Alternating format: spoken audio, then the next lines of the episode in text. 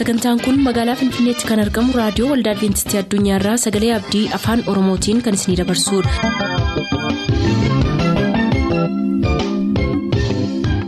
harka fuuni akkam jirtu dhaggeeffattoota keenya nagaan waaqayyoo bakka jirtan hundaati isiniif haa baay'atu jechaa sagantaan nuti har'a qabannee isiniif dhiyaannu sagantaa dhuga ba'umsaaf sagalee waaqayyoo ta'a gara sagantaa dhuga ba'umsaatti haa dabarru.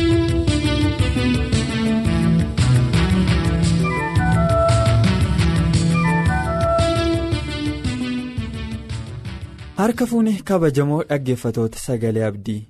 Sagantaa dhuga ba'isaa har'as isiniif qabannee dhiyaannee jirru jalatti luba gammachiis jaafe waliin argamneerra. Torban darbe luba gammachiis jaafeen erga yuunivarsiitiidhaa eebbifamanii ba'anii akkamitti akka hojii seenan? Hojii seeraa irraa immoo gara kutaa raadiyootti akkamitti dhufuuf carraa akka argatan? Gara kutaa raadiyoo dhufuuf immoo xalayaan waamichaa harka isaaniirra geessee utuu jirtu sababa yeroof addaan kunnee turre. Ittaanee hoo maaltu ta'e laata? Nu waliin hordofaa.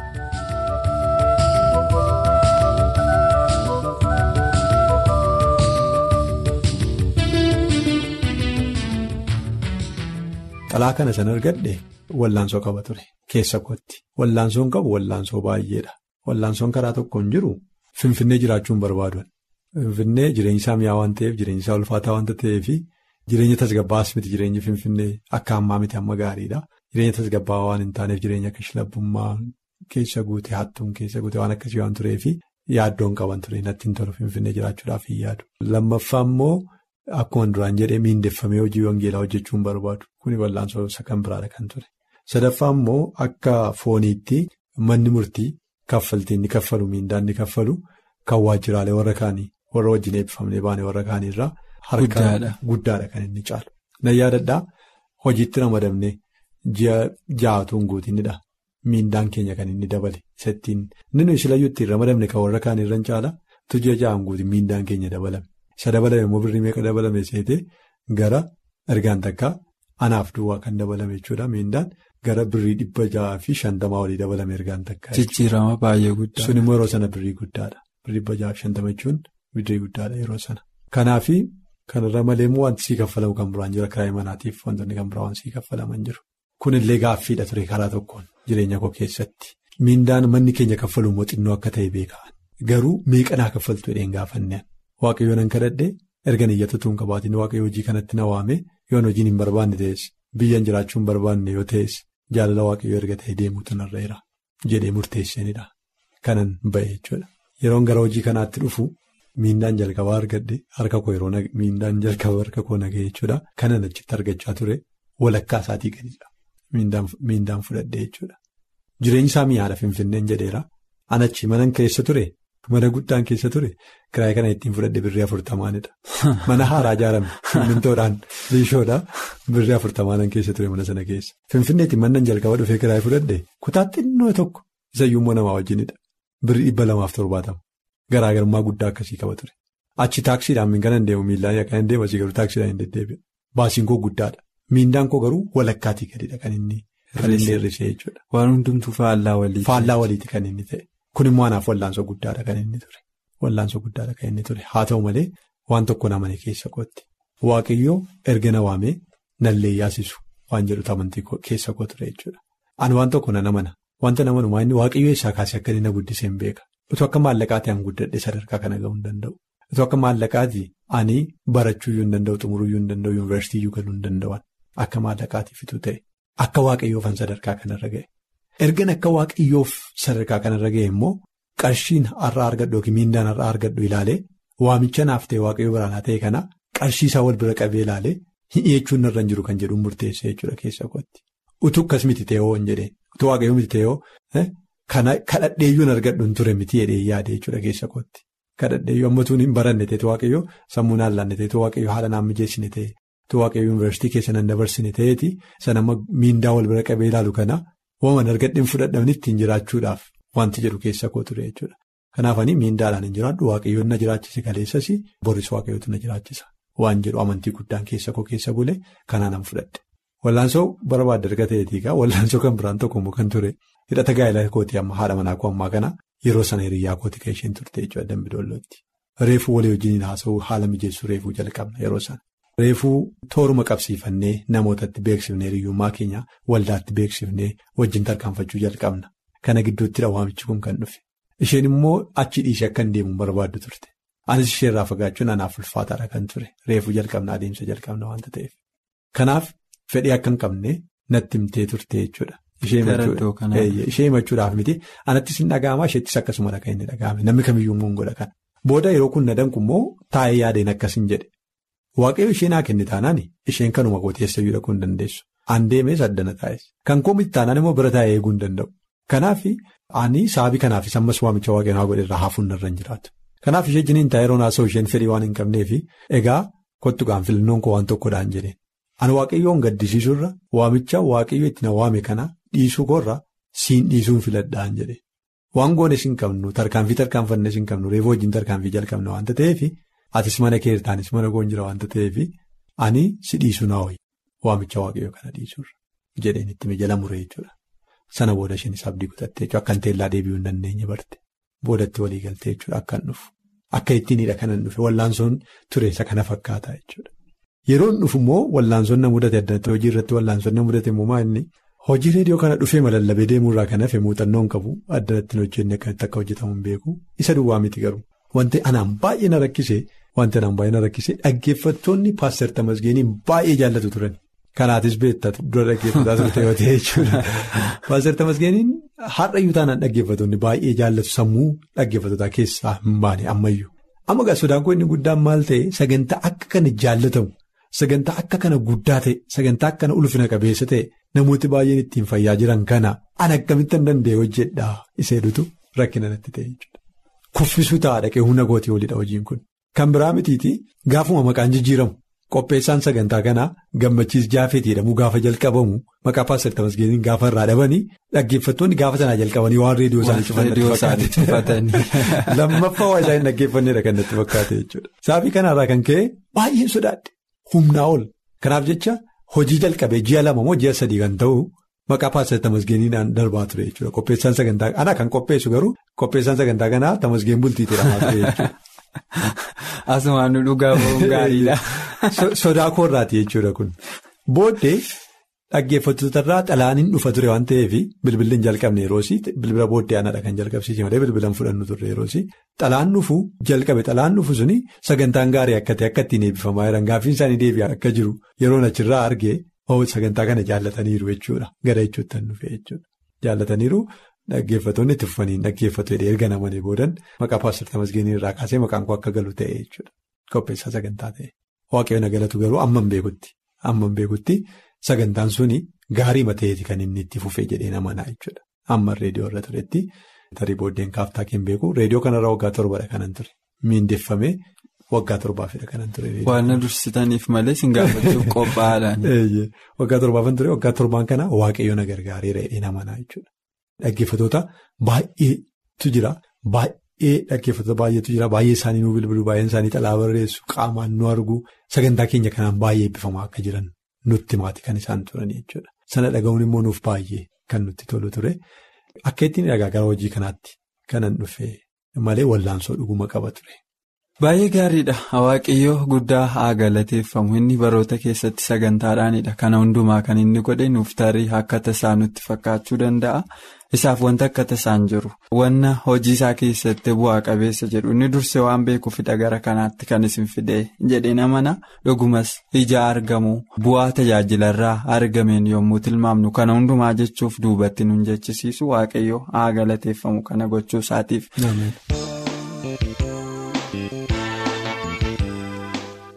Kabajamtoota dhaggeeffatootaa damma utuma mi'aawu maraguu akkuma jedhan mara nus sagantaa keenya sababa yeroof ariitiidhaan walitti yoo qabne iyyuu torbe immoo sagantaa kana jalatti kanaaf qabanne isiniif dhiyaachuuf waadaa keenya hammasitti nagaan waaqayyoo bakka jirtan hundumaatti isiniif baay'atu.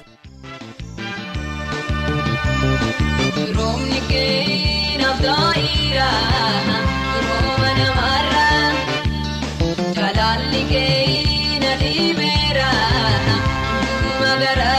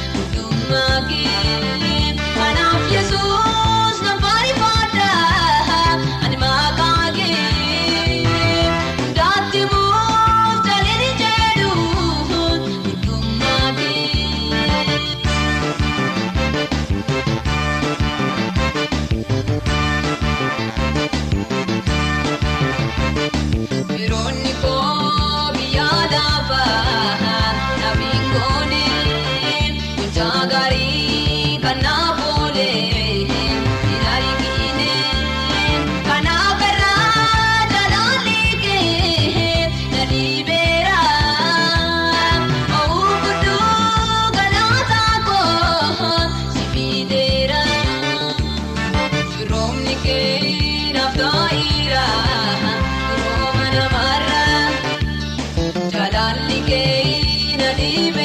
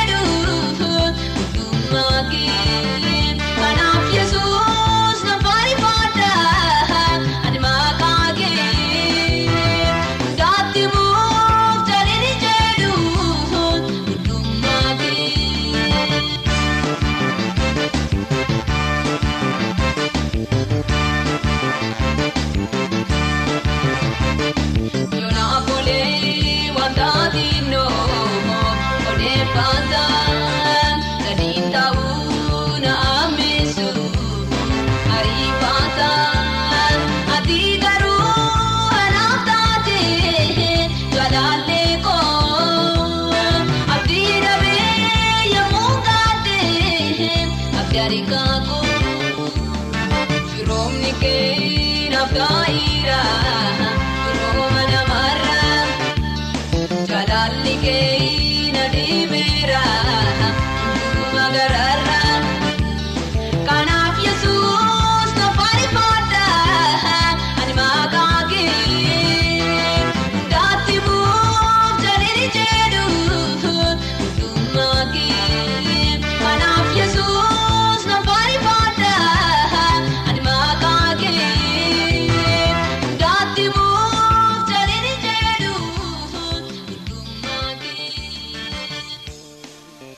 turtanii raadiyoo keessan kan banattan kun raadiyoo adventistii addunyaa sagalee abdiiti.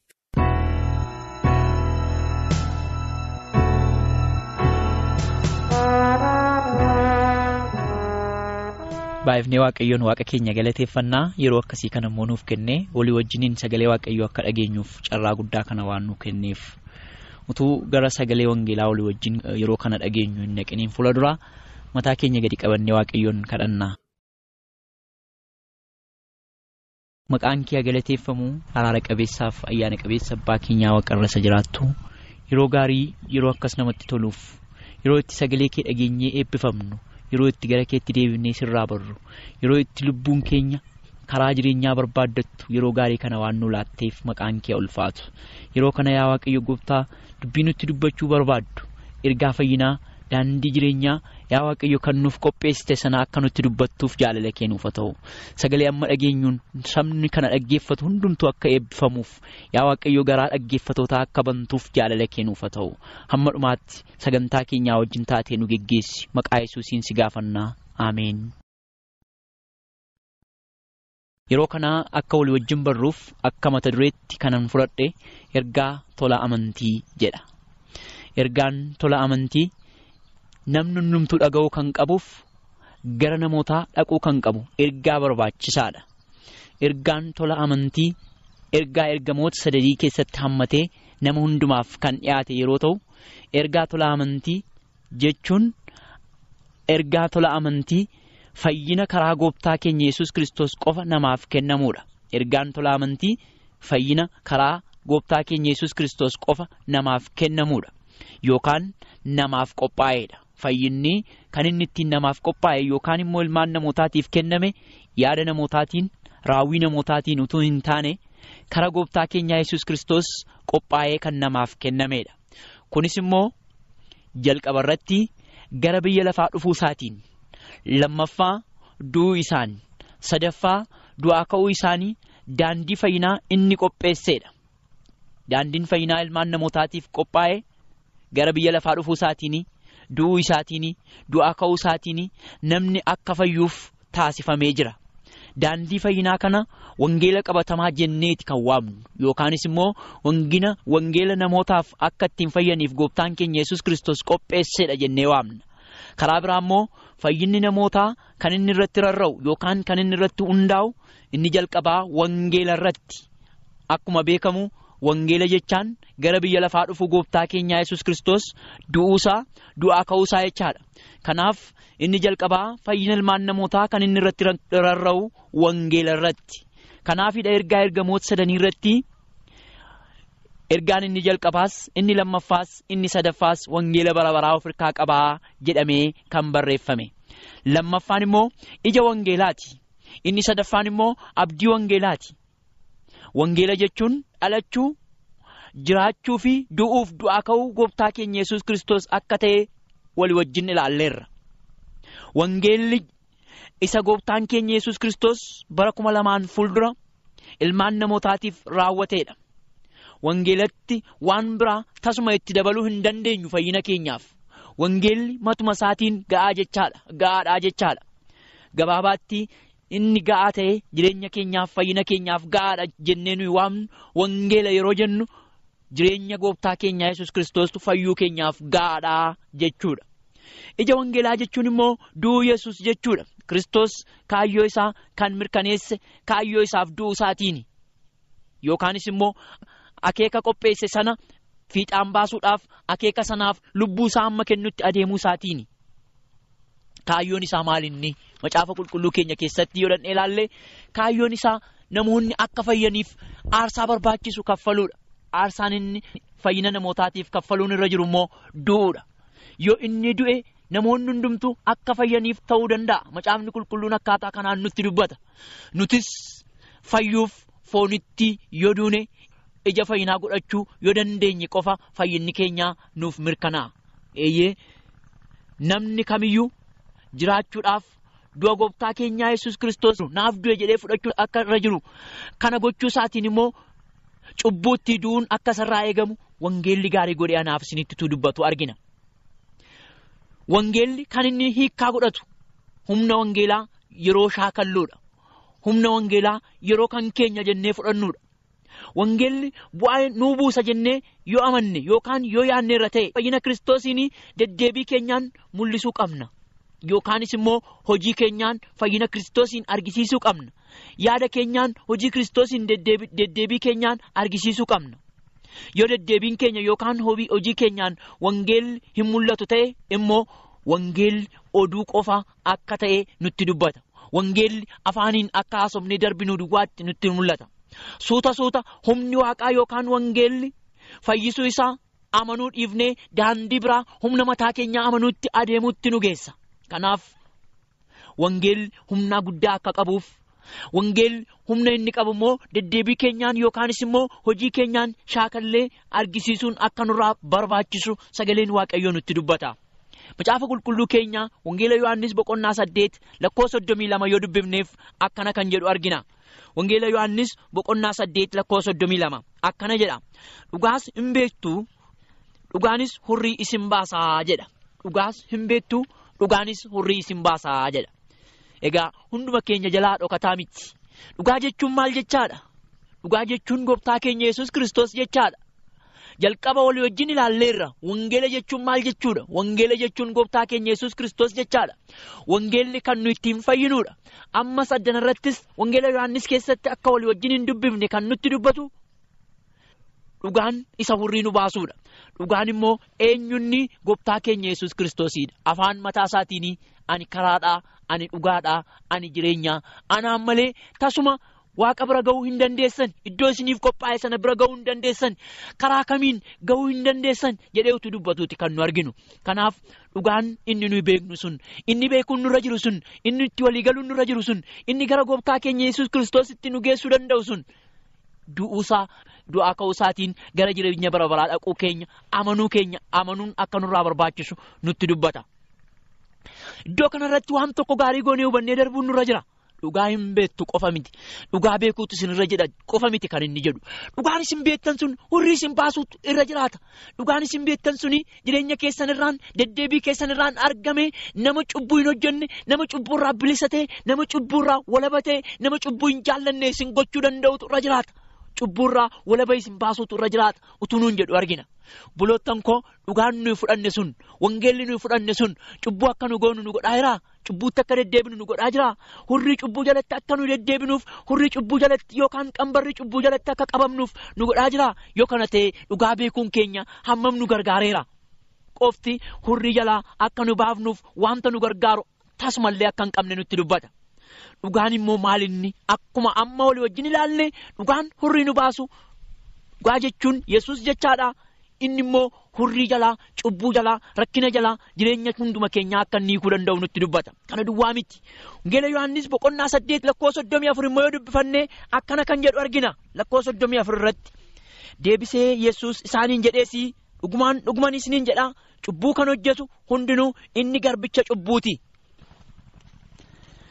Wangeela Yohaannis boqonnaa saddeet lakkoo soddomii afur irratti akkana kan jedhu dubbifna.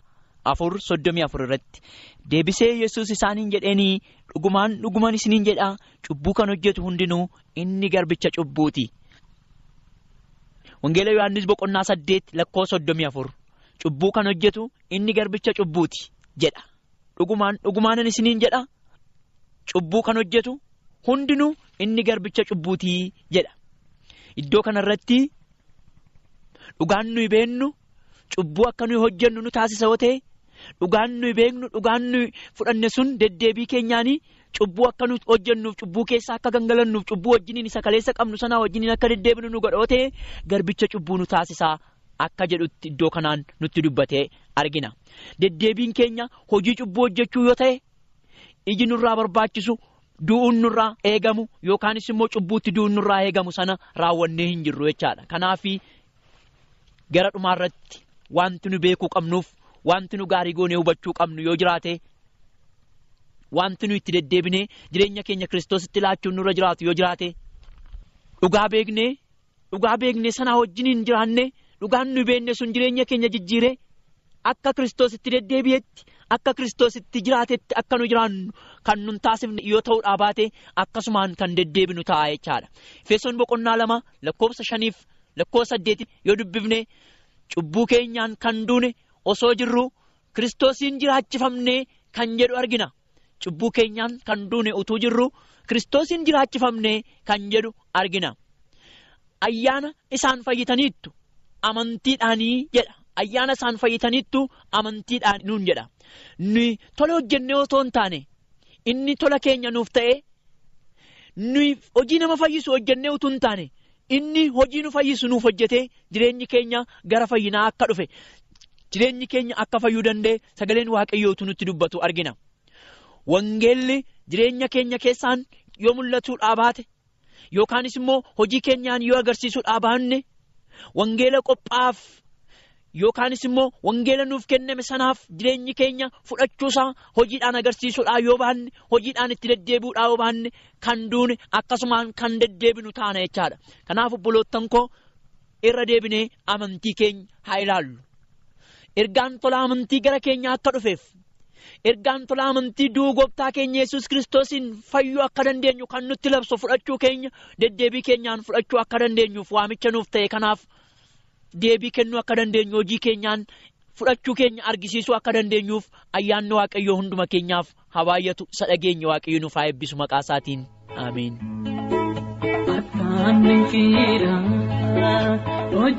Waaqayyoo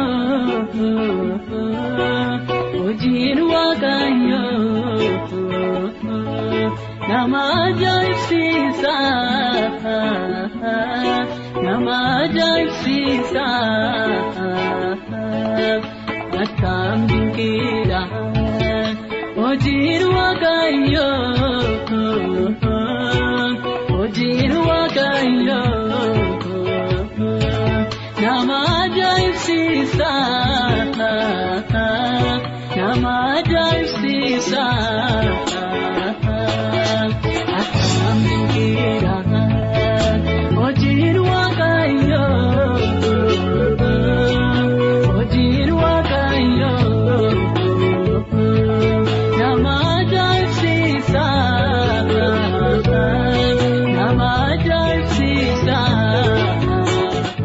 Sagantaa keenyatti akka gammaddan abdachaa har'aaf kan jenne xumurreerra. Bor sagantaa faarfannaa qabannee isiniif dhiyaanna beellama keessaan nu waliin godhadhaa jechaa nuuf bilbiluu kan barbaaddan lakkoofsa bilbila keenyaa Duwwaa 11 551 1199 Duwwaa 11 551 1199 nuuf barreessuu kan barbaadaniif ammoo lakkoofsa saanduqa poostaa 45 Finfinnee lakkoofsa saanduqa poostaa 45 Finfinnee qopheessitoonni sagalee abdii waliin ta'uun nagaatti isiniin jenna. Iddoo